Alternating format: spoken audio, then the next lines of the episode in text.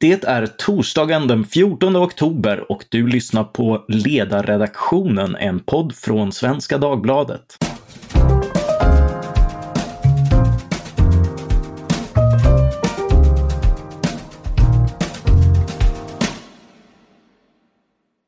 Jag heter Mattias Svensson och dagens ämne är juridik och åsiktskorridorer.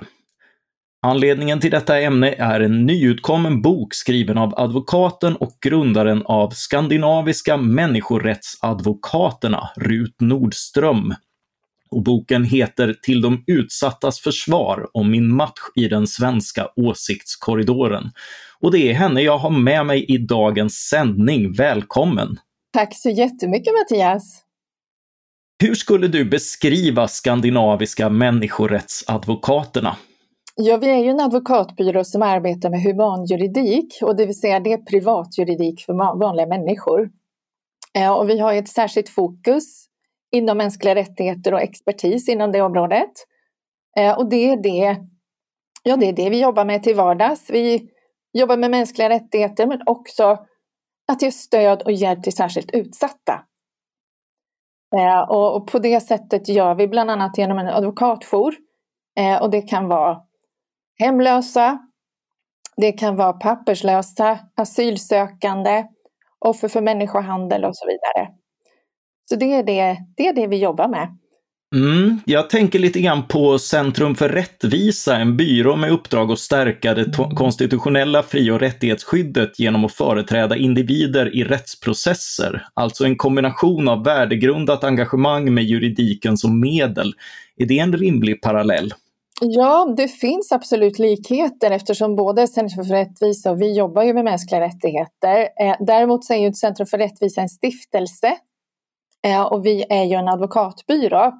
Eh, men vi båda tar ju ärenden till exempelvis Europadomstolen. Det är många, eller jag skulle säga att det är, det är ganska få byråer som har många mål i Europadomstolen. Och vi har också många mål i FNs tortyrkommitté. Eh, och andra kommittéer hos FN. Eh, men just att vi är en advokatbyrå och också företräder vanliga människor i vanliga rättsprocesser.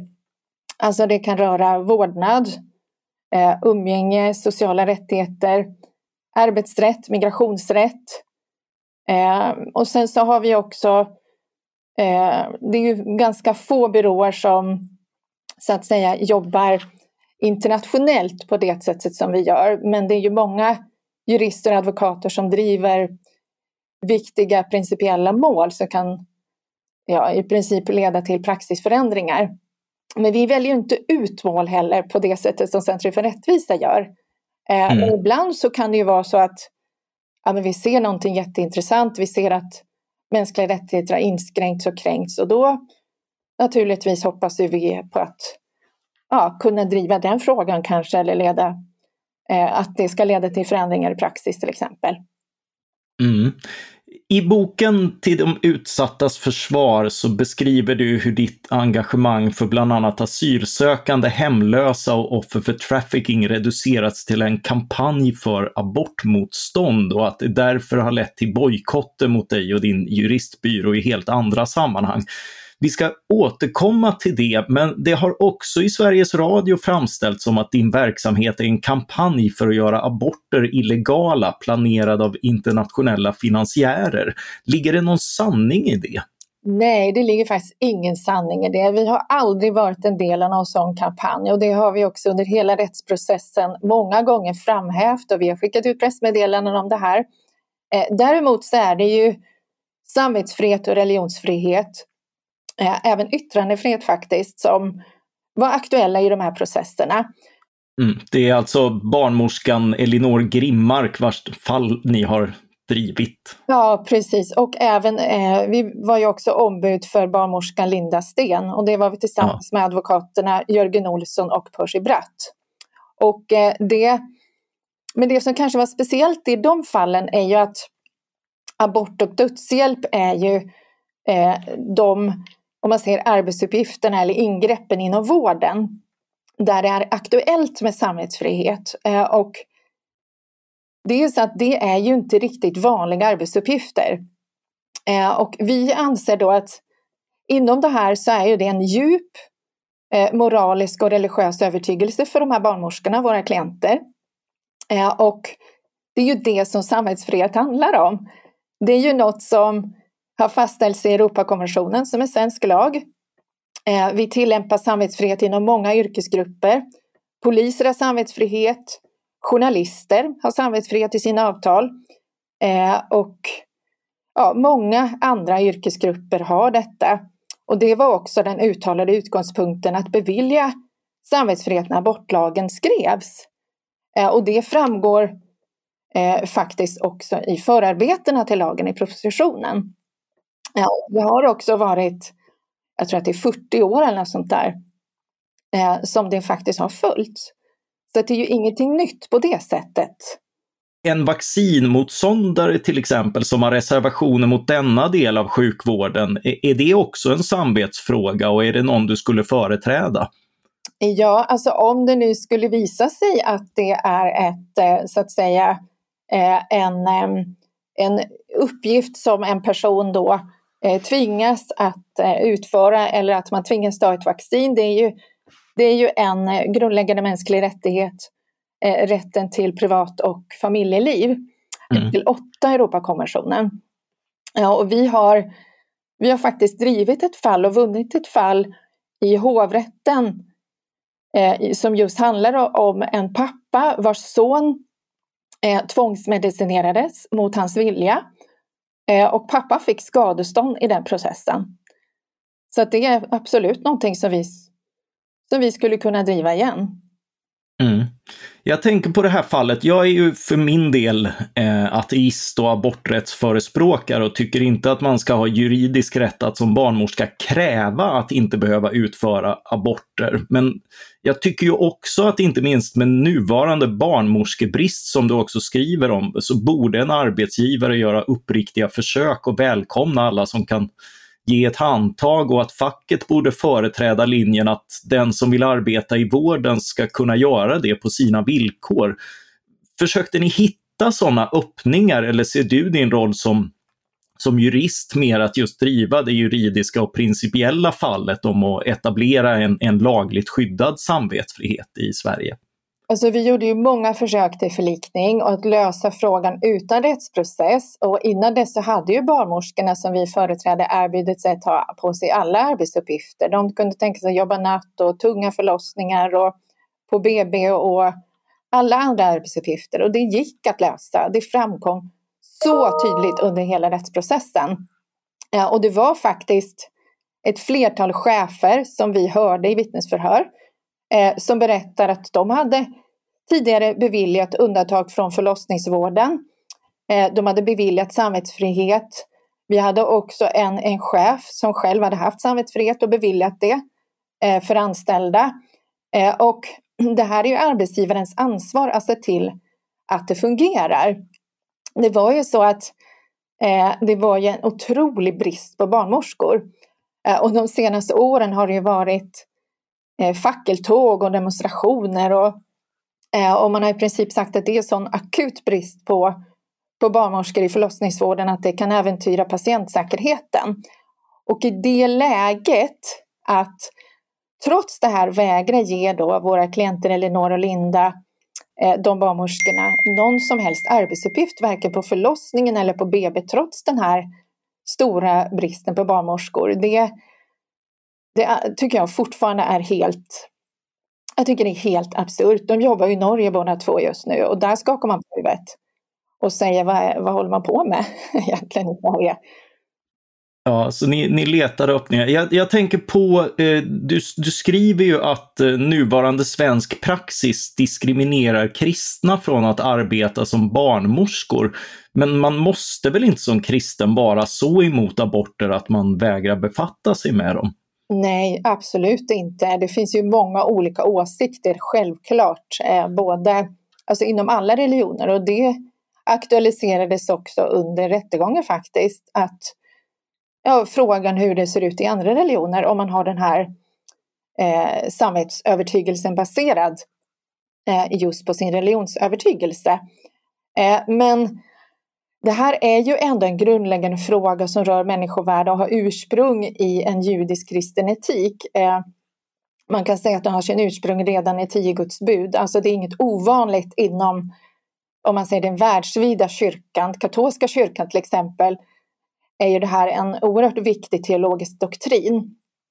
Eh, och för de som tillämpar det här eh, och för våra barnmorskor så var ju det här som Elinor Grimmark till exempel, hon var ju också, har ju också värnat om djurens rätt under hela sitt liv. Och för henne handlar det här helt enkelt om att jag kan inte medverka till att utsläcka ett människoliv. Så ser hon det. Och det är ju också så att, att samvetsfrihet just gällande abort eller dödshjälp, det är ju det Europarådet har sagt, det är där gränsen går för samvetsfrihet för vårdpersonal det har ju fått enormt genomslag och man visar förståelse för det i över 40 av Europarådets medlemsländer. Så att Sverige är ju ett land som sticker ut här. Eh, och under tiden så blev det ganska tydligt att frågan om det verkligen är så att säga eh, okej okay att när man har en sån enorm brist i förlossningsvården att kvinnors och barns säkerhet och hälsa faktiskt äventyras. Förlossningsvården går på knäna, alltså man fick ringa in pensionerade barnmorskor för att eh, det var så otroligt svårt och att då neka de här barnmorskorna, då, kristna barnmorskorna, arbeta principiella skäl. Det tycker jag är, det är att stänga ute människor med fel åsikter. Eh, och det, det var också så att statistiskt sett så var det på det här sjukhuset vid Värnamo där Elinor Grimmark faktiskt hon fick en anställning där. Eh, då var det ungefär 900 förlossningar per år och 200 aborter. Av dem som var 100 hemaborter. Eh, och det visade sig då att det i princip var en sen abort per år på förlossningsavdelningen. Eh, och det handlade ju alltså om en abort jämfört med 900 förlossningar. Så att det var inte omöjligt att, att göra någonting åt det här. Utan man, gjorde, man frös ut en person med, med fel åsikt och tro helt enkelt. Ja, och eh, det, det, det, har ju handlat mycket om enskilda uppfattningar här och, eh, eh, och, och värnandet av det. Men man skulle ju kunna tänka sig att, att ni som en eh, ändå agendadriven byrå har en uppfattning om eh, aborträtten som sådan och skulle vilja ändra praxis även där via juridiken.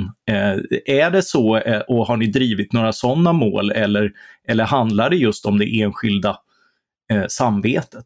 Ja, alltså vi har aldrig arbetat på skandinaviska människorättsadvokater med abortfrågan utan det är samvetsfrihet, religionsfrihet och yttrandefrihet som vi har jobbat med i det här målet ända sedan början. Eh, och det har varit processer i tingsrätt och i Arbetsdomstolen och sen Europadomstolen. Eh, den agenda vi har är att driva mänskliga rättigheter. Det är en väldigt tydlig, stark agenda och alla advokater som driver mål kan ju förändra praxis eh, och lagstiftning den vägen. Någonting som vi jobbar med just nu är ju till exempel barnkonventionen.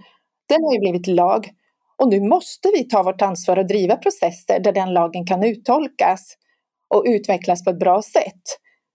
Så att alla advokater kan ju arbeta med att driva en agenda på det sättet. Eh, och för oss är det ju viktigt att mänskliga rättigheter är inte bara är teorin. Vi jobbar också med en rapport om människohandel. Och vi har en jättefin konvention om bekämpande av människohandel. Eh, men när, när vi tittar på hur det i praktiken fungerar så ser vi oerhört många brister att Sverige faktiskt inte lever upp till sitt internationella åtagande om bekämpande av människohandel. Så att Ja, du har, du har ett antal sådana exempel i boken och jag tänkte att vi skulle gå över på det lite grann. Eh, för numera heter det ju ofta när asylpolitiken diskuteras att ja ska vara ja och nej ska vara nej och den som fått ett negativt beslut ska åka tillbaka. Eh, du har några exempel, inte minst från trafficking-offer, där det här inte är så enkelt som, som det kan låta. Kan du ge några sådana exempel? Ja, i några fall som vi har arbetat med just för människohandel så har ju svenska myndigheter i efterhand konstaterat att man faktiskt har brustit i de överväganden som skulle ha gjorts i de ärendena. Och ett exempel jag tar upp i boken är ju eh, att vi var tvungna att ta ett ärende till FNs tortyrkommitté. Eh, min klient då hade varit utsatt för fruktansvärda övergrepp och människohandel för sexuella ändamål. Låst in i en bordell i, eh, i Grekland och bevakats konstant av fem hallickar dygnet runt i flera år och hon blev till slut gravid med en av hallickarna. Eh, och till slut lyckades hon som genom ett mirakel fly till Sverige och söka asyl här. Eh, hon var då så svårt traumatiserad att hon hade såklart jättesvårt att eh, hålla en röd tråd i sin berättelse och hon vågade inte berätta om allting. Hon ändrade också identitet och bytte namn för hon var så rädd för de här hoten från hallickarna och människohandlarna. Och det Migrationsverket säger är att vi tror inte på dig för du kan inte hålla en röd tråd i din asylberättelse, du framstår inte som trovärdig. Eh, det här tog vi till FNs tortyrkommitté och där fick vi faktiskt en ny prövning i Sverige och vi fick en ursäkt från, eh, från handläggarna i, i migrations, Migrationsverket som sa att vi har inte haft kunskap tillräckligt och det har varit stora brister i hanteringen av det här ärendet. Och I ett annat fall så tog vi det till Europadomstolen. Det var en kvinna och ett litet barn som hade utsatts för människohandel och eh, alltså det, det var helt fruktansvärt. Hon hade låst in också i, av, eh, på en lägenhetsbordell och man hade börjat våldta mamman framför den här lilla flickan för att hon vägrade gå med på att sälja sig och man riktade en pistol mot tinningarna till den här lilla flickan och brände hennes rygg med cigaretter. Alltså det var helt fruktansvärt och då lyckades de också fly och kom till Sverige men skulle då utvisas direkt. Eh, och det här tog vi eh, upp igen. Eh, vi tog det till Europadomstolen när vi förlorade i Sverige. De stoppade utvisningen. Men sen så fick de avslag igen. Eh, och först i migrationsdomstolen vann vi. Eh, och då var det faktiskt på grund av hennes sexuella läggning att hon, vi anförde att hon även behövde skydd på den grunden och då, då vann vi. Så att nu har de uppehållstillstånd. Men det, är, det är ju fruktansvärda människoöden, men vad hindrar att de åker tillbaka till det första landet de kom ifrån innan de blev trafficking-offer? Ja, när det gäller just människohandel så finns det ju en stor risk för retrafficking så att säga. Alltså det finns enorma nätverk och de här människohandelsnätverken de är väldigt effektiva och väldigt farliga. Alltså de hotar regelmässigt våra klienters familjemedlemmar. Eh, vi har till exempel ett fall med en mamma som vi företräder hennes, hennes barn och då har man då ringt upp till Alltså det här människohandelsoffrets mamma från ett land i Afrika ringer oss och säger att hon är eh, helt förtvivlad därför att hon har blivit dödshotad av människohandlare. Eh, och, och, det här är ju systematiskt så de jobbar. De tar identitetshandlingar, de Eh, de söker och i ett fall som vi hade som var faktiskt ett Dublin-ärende, det vill säga att man eh, det är ganska på rutin att man utvisar, man får inte ens rätt till ett offentligt biträde. Då hade hon försökt fly tre gånger och hittats varje gång av människohandlarna. Så att, nej. Dublinärende är väl då när eh, att, att vi inom EU, det är det första asylsökarlandet som man ska behandlas i. Precis, och, och, det var faktiskt eh, första gången som vi fick igenom ett undantag från Dublinförordningen. Ja, och det kan man bara få när det är eh, humanitära skäl och det klagade vi då på till, till migrationsdomstolen och det vann vi och man gjorde ett undantag och Sverige tog över asylansökan. Så att vi anser ju att, att det är Snarare så att informationen och kunskapen om människohandel och, och offrens särskilda utsatthet, både ursprungs, transit och destinationslandet, måste uppvärderas för att de ska få det rättighetsskydd som de faktiskt har rätt till enligt internationella konventioner. Mm. Du, du, blandar ofta begreppen trafficking och prostitution, men det måste väl ändå göras en skillnad på att sälja sex frivilligt och att tvingas till det? Ja, absolut. Men, men när det gäller prostitution så talas det ofta om frivillighet. Men jag har faktiskt svårt att säga eh, och vi har svårt att avgöra om det verkligen är frivilligt. Eh, vi jobbar till exempel nära Elise Lindqvist, Ängel på Malmskillnadsgatan, som hjälpt flickor Eh, och kvinnor som säljer sig på Malmskillnadsgatan i mer än 25 år. Och hon har aldrig någonsin hört att någon av dem säger att de gör det frivilligt. Alltså, man kan ju säga så här, är det frivilligt om, om, om du, de skulle ha ett val ja, jag skulle vilja jobba som lärare eller jurist eller sitta i kassan på ICA eller sälja min kropp varje dag till fem personer som potentiellt sett kan skära halsen av mig och våldta mig. Eh, alltså frågan är, är det verkligen frivilligt när det inte finns något alternativ? Många av dem har ju, det är ju något sorts självskadebeteende på grund av något man tidigare varit utsatt för. Och sen är det så att det kanske börjar frivilligt för vissa, men de hamnar i ofrivillighet utan att kunna ta sig loss. Eh, men de flesta har aldrig börjat sälja sig helt frivilligt. Men fler och fler länder tar ju, eh, tar ju så att säga eh, Sverige som exempel och följer den svenska eller nordiska modellen om man säger. Och det har faktiskt gått åt motsatt håll. Eh, alltså de länder som till exempel vid Tyskland har nu hamnat i en situation som man kallar Europas bordell. Och där ser man att organiserad brottslighet ökar kriminalitet och trafficking ökar mest i de länderna där prostitution är tillåten. För det man gör är att man öppnar marknaden eh, och då skapar man ju en ännu större efterfrågan. Så att även om man skulle påstå att det sker frivilligt så skapar ju prostitution stora samhällsproblem och de påverkar ju alla och det är det här, det här så att säga trafficking-nätverken kan etableras och växa. Så, så du, menar, eh, eh, du menar att den svenska sexköpslagen som ju då kriminaliserar köp av, av sexuella tjänster men inte eh, försäljningen och, och förstås all, all, alla former av förmedling och eh, tvång därtill. Ja. Den, den har motat även eh, de här trafficking nätverken som, som via utpressning, som via nätverk i mestadels afrikanska länder eh, bedriver den här typen av, av utpressning och tvång. Absolut, så är det. Och det finns många rapporter som visar just att den svenska sexköpslagen har varit ett effektivt verktyg för att förhindra eh, trafficking och etablering av de här stora nätverken av organiserad brottslighet som det faktiskt handlar om. Så att den har varit effektiv. Den kom 99 och sen är det ju många länder som har tagit efter. Så att det får vi vara stolta över tycker jag. Mm. Det, fin det, finns ju också, alltså det finns ju de som kallar sig sexarbetare och som menar att eh, alltså för dem är det stora problemet det allmänna stigma som finns mot deras sätt att försörja sig. De hamnar ju sällan på gatan utan det handlar ju om, eh, om en annan typ av, av, av sextjänster där man, där man har större möjlighet att, att välja. Eh, hur, hur, ser du på det, den situationen, att det finns ett stigma mot, mot kvinnor som, har, eh, som ändå säger sig ha gjort det här valet? Jo, men det är ju så att det är därför vi har den svenska modellen, alltså att vi skyddar kvinnorna, vi, för det är oftast de som, som säljer sig, men vi straffar förövarna, alltså köparna. För det är faktiskt så att det man sa i, i propositionen till den svenska sexköpslagen var att prostitution, det vill säga att någon köper en annans kropp, det i sig är ett sätt att utöva våld mot kvinnor.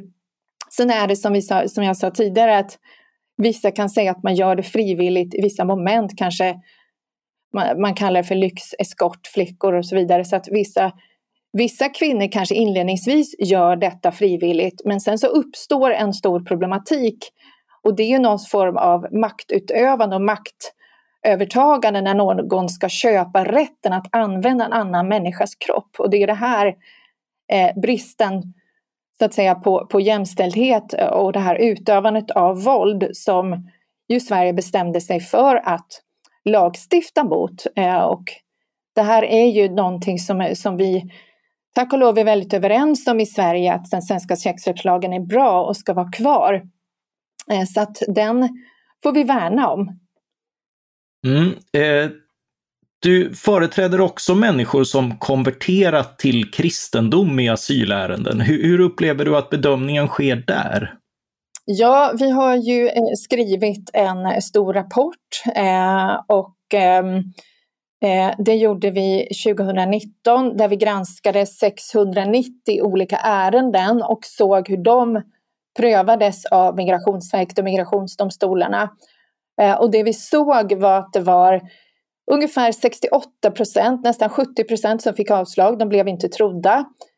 Eh, och ehm, det just eh, människor som har då flytt från sitt land och konverterat till en annan religion eller de kommer till Sverige och här konverterar I de länderna som de kommer ifrån, det är ofta Afghanistan, Irak, Iran. I den här konvertitutredningen granskade vi ärenden som just gäller konvertiter från Afghanistan. Och där är det ju sharia-lagar som gäller. Eh, och ofta så, så, så, ser vi ju i de rapporterna som skrivs eh, när det handlar om, om kränkningar av mänskliga rättigheter att det är ju tortyr, dödsstraff och omänsklig förnedrande behandling som de riskerar vid en utvisning. Eh, men det vi tyckte var väldigt dramatiskt, det var ju så att säga att se eh, att eh, nämndemän till exempel i eh, i migrationsdomstolarna då är det de politiska partierna som väljer nämndemän och nominerar nämndemän. Och nämndemän som nominerades av Vänsterpartiet de gav avslag i 15 procent av fallen medan nämndemän nominerade av Sverigedemokraterna gav avslag i 93 procent av fallen. Och det här tyckte vi var väldigt anmärkningsvärt. Eh, så att vi förespråkar ju då i, vi, i vår utredning att bedömningskriterierna måste vara rättssäkra och det måste finnas en kompetens hos Migrationsverket och migrationsdomstolarna att göra den här bedömningen. För det det handlar om är ju hur ska du kunna se om någon är genuin och trovärdig eh, i sin tro. Eh, en annan typ av, av sådana ärenden som vi också företräder, många hbtq-ärenden där personer säger att de är homosexuella och riskerar skyddsgrundande behandling. Och det är samma sak där. Det handlar om inre processer och inre upplevelser och ofta djupa känslomässiga upplevelser. Och just när det gäller konvertiter så är det ju så att man ofta får ett batteri med kunskapsfrågor där du ska rabbla tio Guds budord till exempel och alla liturgiska högtider i kyrkoåret. Och, och jag menar, hur ska man kunna avgöra någon är kristen bara för att du kan rabbla tio Guds budord? Det... Ja, det sägs ju ofta att ateister kan Bibeln bättre än många troende, för är man troende så har man det ofta med sig ändå. Eller hur! Så, så att jag menar, och det fanns ju någonting som hette Är du kristen.nu, tror jag, ett sånt här kristendomstest som, som några grabbar gjorde därför att mm. de såg att det här blev helt absurt och det var ju biskopar som gick ut och sa att de hade ju absolut inte klarat av de där testerna och de var ju tagna från vissa av våra eh, protokoll till exempel. Det var alltså riktiga frågor. Alltså jag har varit med om så absurda saker så att du vet teodicéproblemet, alltså om Gud är allsmäktig, eh, varför är det så mycket lidande? Jag var med om att, att en av mina klienter fick den utfrågningen i en och en halv timme. Alltså det, du vet, det är helt absurt. Ja, och, man men... så här, det här har inte filosoferna och teologerna kunnat lösa på 200 år, men nu ska du göra det som var 17 år när du gick med i Svenska kyrkan. Alltså det blir absurt liksom. Mm. Det, det, är ju ändå människor i en ofta desperat situation där, där man är beredd att gripa varje möjlighet för att få stanna i ett tryggt land som Sverige. Har, har, har du stött på fall där du själv tvivlar på ärligheten i omprövningen eller kan du, kan du förstå att det, det ändå finns en skepsis till Eh, till, till, den här typen av, eh, särskilt för de, de som har varit ganska länge och så kommer, så kommer det en, en omtanke i just det här. Mm. Alltså det kan alltid finnas en risk eh, att människor far med osanning, men just när det kommer till religion och övertygelser är det nog svårare att ge sken av en djup och genuin tro och leva nära andra människor under flera års tid utan att det skiner igenom. Och 95 procent av de som vi granskade eh, de hade ju intyg då från kristna eh, kyrkor som intygade att de hade gått de här kurserna, de hade döpt sig, de hade erforderliga kunskaper och så vidare och de utövade sin kristna tro. Men det var ungefär 10-11 procent som i den här rapporten som visar att efter deras avslagsbeslut så förlorade man kontakten i kyrkorna. Så det kanske är rimligt att säga att 10-11 procent kanske inte var genuina. Men det vi mm framförallt förespråkar det är ju just att det måste vara alltså, rättssäkra bedömningskriterier och det här är ju jätteviktigt både för att veta vem som talar sanning och vem som inte gör det. Vem som ska få avslag eller beviljat uppehållstillstånd. Det måste vara rättssäkert. Mm. Hur har du från ditt håll upplevt skiftet i svensk asylpolitik sedan 2015? Ja, det är klart att det märks ju att det har blivit striktare och stramare. Det är svårare att få uppehållstillstånd idag. Eh, och jag skulle vilja säga att det som syns i politiken avspeglar sig faktiskt på Migrationsverket och hos domstolarna. även fast det egentligen inte ska göra det. Eh, därför att alltså politikerna ska ju stifta lagar. Nu har vi haft en tillfällig eh, migrationslag och det har varit svårare Eh, i många avseenden. Det har varit mer restriktivt. Men jag menar, Migrationsverkets handläggare och domstolarna ska ju förhålla sig till den lag som finns rent objektivt. Men vi tycker ju ändå att vi ser att det, det har varit eh, så att säga svårare. Sen är det ju självklart så också att det, under flyktingkrisen var det ju oerhört många. Alltså vi, hade ju, vi gick ju nästan på knäna. Vi hade ju otroliga mängder med förfrågningar. Eh, och det är klart att det har varit färre ansökningar nu så att vi har lite färre just migrationsärenden. Eh, så är det ju. Mm. Är alla juridiska medel tillåtna i en rättfärdig sak? Jag tänker exempelvis på att åberopa FNs tortyrkonvention i utvisningsärenden. Är inte det en väldigt dramatisk åtgärd som riskerar att bli överanvänd i förvisso behjärtansvärda ändamål? Ja, alltså, eh, du kan väl ha rätt i det att diskussionen om mänskliga rättigheter och att man kan överanvända just begreppet mänskliga rättigheter, den är ju jätteviktig. Och vissa kan ju använda både det ena och det andra och kalla det för en mänsklig rättighet. Men i, i just de här fallen, utvisningsfallen, så tycker jag inte det. Alltså de människorna vi företräder står i en verklig risk att utsättas för tortyr i sina hemländer. Och många av dem som vi företräder, de har redan gjort det och vi har ett nära samarbete med rättsläkare som ger till exempel rättsintyg när en person har varit utsatt för tortyr i hemlandet och man har ärr och man har skador och det finns röntgenbilder och så vidare. Och vi lämnar då in tortyrskadeutredningar och i vissa fallen har de ändå fått avslag. Och, och, då är det ju människors liv och risk för tortyr som står på spel och för oss så är det inte en fråga, eh, alltså vi, vi, vi känner att det är vårt ansvar att ta det vidare till internationella instanser som FNs tortyrkommitté. För vi måste vidta alla de åtgärder vi vi kan när det är människors liv som står på spel. Din bok Till de utsattas försvar har undertiteln Om min match i den svenska åsiktskorridoren. Kan du beskriva några exempel på den där åsiktskorridoren och hur du har motarbetats i helt andra frågor för att du varit juridiskt ombud för Elinor Grimmark i frågan om samvetsfrihet? Ja, den svenska åsiktskorridoren, eh, det begreppet tycker jag är ganska bra. Eh, när jag skulle skriva min bok så hade jag ett, ett långt samtal med Henrik Ekengren Oskarsson, alltså den statsvetaren som faktiskt myntade det begreppet från första början. Och eh, jag tycker det, det, beskriver fenomenet ganska väl. Alltså det är ett destruktivt klimat som gör att det är i princip omöjligt att diskutera svåra etiska frågor offentligt utan att man blir stigmatiserad, misstänkliggjord, utfryst och så vidare. Så att det tydligaste exemplet för mig var ju en konferens på Uppsala universitet om människohandel.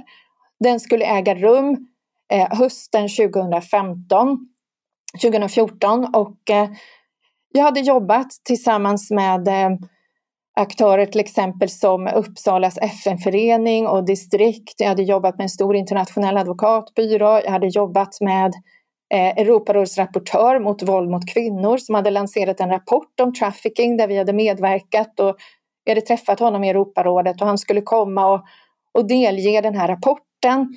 Vi hade också haft kontakt med kungahuset och drottning Silvia skulle komma och det var ett jättebra samarbete med många olika aktörer och, och forskare och så vidare. Och sen eh, tre, fyra dagar innan den här konferensen skulle äga rum så publicerar Aftonbladet en artikel där man utmålar mig som någon sorts ond person som är emot eh, kvinnors rättigheter då för att jag var juridiskt ombud för Elinor Grimmark och man skriver att man egentligen så har jag en, en dold agenda. Jag, jag, egentligen så jobbar inte jag för offer för människohandel och mot trafficking utan jag har en dold agenda genom det här och ja, det är mycket märkligheter och jag beskriver hela den här processen, hur det börjar, vad som händer, lite bakom kulisserna och hur jag upplevde det i min bok. Ehm, men det är klart att jag har fortfarande svårt att så att säga eh, jag bearbetar nog fortfarande faktiskt det som hände då för att för mig blev det så absurt. Alltså, den här artikeln i Aftonbladet ledde till att hela den här konferensen om människohandel ställdes in på grund av att jag var juridisk ombud för Elinor Grimmark. Och det här för mig är ett sånt oerhört tydligt exempel på den här svenska åsiktskorridoren. Eh, och ja, jag skriver bland annat också om Uppsala fredspris som skulle ha delats ut eh, och det man vägrade komma då från FN eh, för, i, i, Sverige då, eh, distriktet eller huvud, huvudledningen så att säga för att jag satt med i juryn för Uppsala fredspris, jag som var så kontroversiell då, som juridiskt ombud för Elinor Grimmark. det här är ju förstås eh, helt absurt. Eh, och, och det, här, det här är för att du alltså juridiskt har företrätt en person i i ett mål. Vi, vi, har ju, eh, advokater måste ju företräda alla möjliga, inklusive alla som är skyldiga till grova brott. Ja. Eh, och, och ska väl inte dömas för det och det brukar väl inte riktigt göras. Det brukar inte hända och jag skriver det i min bok att om jag hade som försvarsadvokat företrätt mördare, våldtäktsmän, alltså det, man, jag tror absolut inte att man hade ställt in en hel konferens om människohandel på grund av det engagemanget. Det har jag faktiskt aldrig varit med om. Men i det här fallet så var det Ja, det var ett unikt exempel på hur den här svenska åsiktskorridoren kan faktiskt ge sig uttryck. Och jag, jag beskriver ju alla turerna i detalj i min bok och det är ju mycket som jag inte har tagit med. Men som sagt, det är eh, fortfarande sju, åtta eller år efter händelsen har jag fortfarande svårt att smälta det faktiskt. Ja. Du, du agerar ju i en rad laddade frågor, den svenska sexköpslagen, asylfrågor. Om du jämför, har du mött liknande respons där? Nej, alltså i Sverige så har vi faktiskt en, en enhet, både feminister, kvinnolobbyn och myndigheter och alla aktörer i princip, förutom kanske då RFSU och RFSL är väldigt överens om att den svenska sexköpslagen är väldigt bra och att den ska vara kvar. Eh, och det innebär att motståndet i Sverige är närmast obefintligt, alltså förutom då de här enstaka lobbyorganisationerna. Men i andra länder, till exempel när jag varit i Bryssel och haft eh, föreläsningar och haft seminarier bland annat då med Elise Lindqvist om sexköpslagen, då har man mött på ett, ett motstånd och jag föreläste också i tre parlament i Australien. Eh, och det skriver jag också om i min bok och det var ganska eh, hårt motstånd måste jag säga. Jag, jag var inbjuden bara för att ge ett testimony om den svenska sexköpslagen och helt plötsligt så blir det världens debatt i det där parlamentet, bland annat då från de gröna som, som påstår massa saker om den svenska sexköpslagen som absolut inte stämmer och då sa jag det är väl bättre att ni kommer till Sverige.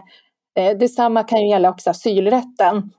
Men jag tycker att det är eh, det är så otroligt viktigt att man kan samverka för kvinnors rättigheter och asylrätten även fast man har olika åsikter i andra frågor. Alltså, eller har olika utgångspunkt ideologiskt eller politiskt. Vi måste ju kunna jobba för de utsatta och samverka genom att förena goda krafter.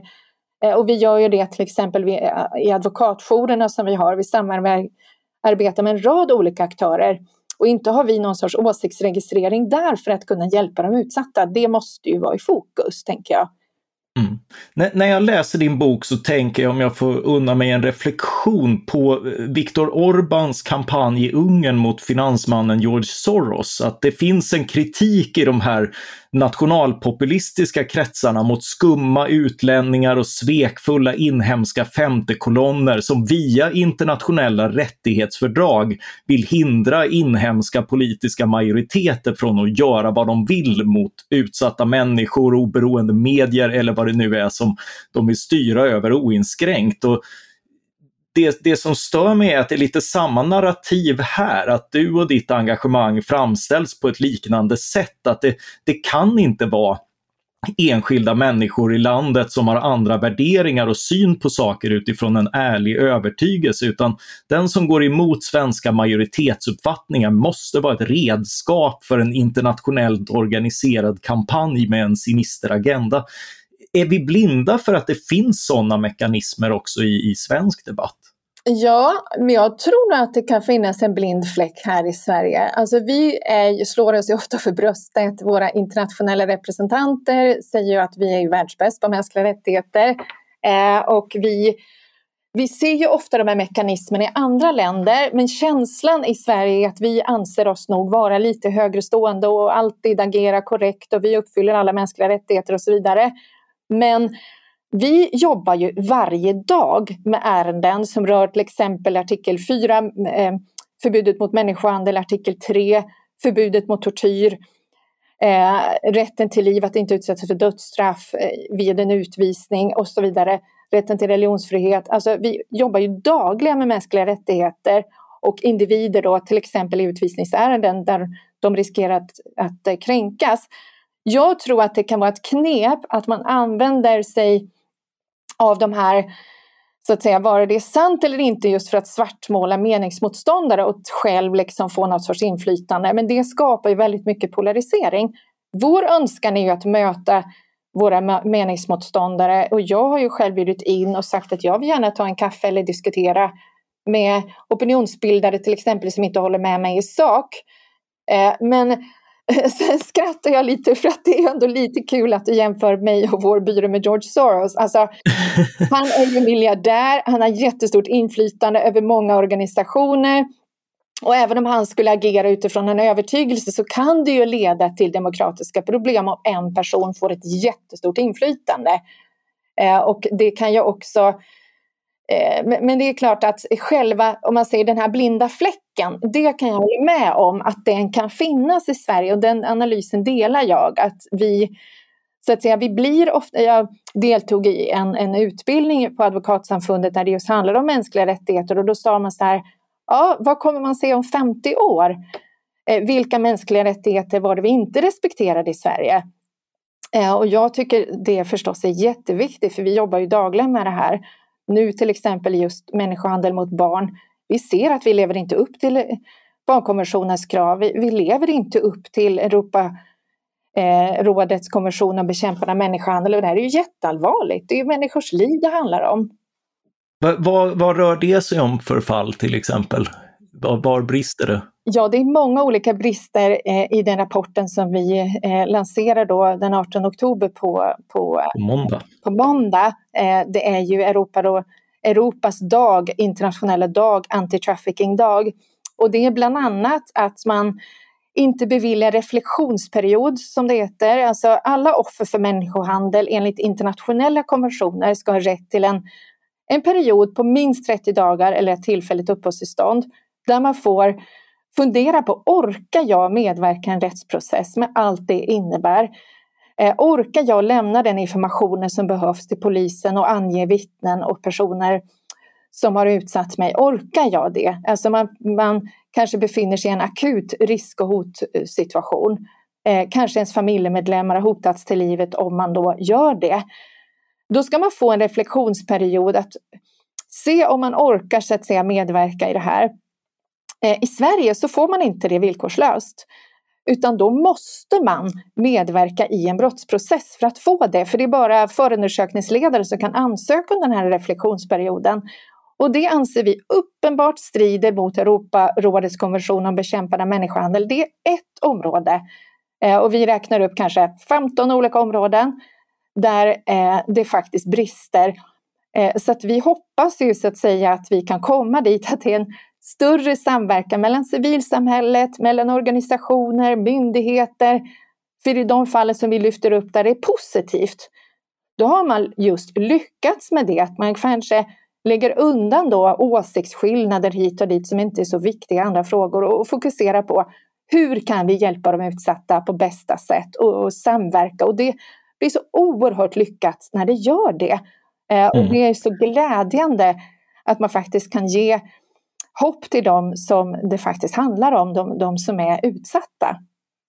Jag, jag, tänkte avslutningsvis, apropå åsiktskorridoren och sådär, har du någon gång upplevt att du själv agerat på liknande sätt mot meningsmotståndare i sådana frågor där du företräder en majoritetsuppfattning eller en etablerad elit? Ja, det är ju en bra fråga. Alltså, jag tror faktiskt aldrig att jag har företrätt någon majoritetsuppfattning egentligen. Alltså det är så här att mänskliga rättigheter handlar ju om att företräda en liten enskild människa mot staten, alltså mot mm. kommuner, mm. mot mäktiga intressen. Eh, när jag företräder hbtq-personer på flykt, människor utsatta för människohandel, religiösa minoriteter, ateister på flykt, alltså, då är det ju en liten människa eh, mot staten. Så att jag, nja, jag kan faktiskt inte komma på att jag har företrätt någon. någon ja, ja, men jag tänker, jag tänker ändå, du, du berättade nyss om eh, alltså hur eh, hur enorm majoriteten för den, den svenska sexköpslagen är till exempel, som jag själv är ganska skeptisk till till exempel. Eh, och, och likaså eh, asylrätten eh, var ju alla nästan för fram till 2015 för att sen inte vara lika entusiastiska. Eh, Absolut, men, men då har det faktiskt varit i andra länder. Eh, just sexköpslagen har jag mött på enormt motstånd i Europa när jag diskuterat det, eller som jag nämnde i Australien. I mm. Sverige mm. så har det ju varit Alltså de lobbyorganisationer som till exempel RFSL och RFSU som, som lobbar för en förändring av sexköpslagen, de är ju så att säga inte så högljudda i den frågan och det det är ju så att där är det ju en stark majoritet för. Um, uh, och jag menar, de som själva är utsatta eller de som själva är i prostitution, de som kallas i vissa länder då för sexarbetare, det är ju de vi hela tiden har kontakt med. Eh, så att vi anser ju att vi företräder ju deras rättigheter och vi har ju så att säga inte mött på någon av dem som så att säga inte vill ha det skyddet. Och, och när det gäller asylrätten som du säger, Ja visst finns det ju olika uppfattningar där, men där möter vi faktiskt mest på tacksamhet och glädje från de utsatta själva som vi hjälper eh, att faktiskt få sitt rättmätiga eh, rättighetsskydd till exempel mot att utsättas för tortyr vid en utvisning. När vi har, har så att säga fått en utvisning stoppad i FNs tortyrkommitté, det är ju oerhört glädjande att kunna lämna det beskedet så att en människa kan leva sitt liv i trygghet och få nytt hopp om en ny framtid. Så att ja, det har varit på ett helt annat sätt. Mm, vilka fina slutord. Då ber jag att få tacka dig Rut Nordström, advokat och författare till boken Till de utsattas försvar. Tack så jättemycket för att jag fick medverka. Tack också till alla er som har lyssnat på ledarredaktionen. Tycker ni att vi har rätt och vill hylla oss med er lovsång eller bjuder ert samvete er att invända? Mejla i så fall till ledarsidan svd.se. Ledarsidan svd.se. Jag vill också passa på att tipsa om våra grannpoddar här på Svenska Dagbladet. Dagens Story presenterar varje dag ett aktuellt ämne på 15 minuter. Vi har också politiken som varje onsdag ger en inblick i såväl maktens korridorer som Torbjörn Nilssons bibliotek. Producent för det här avsnittet var Jesper Sandström. Jag heter Mattias Svensson och jag hoppas att vi snart hörs igen. Tack för den här gången!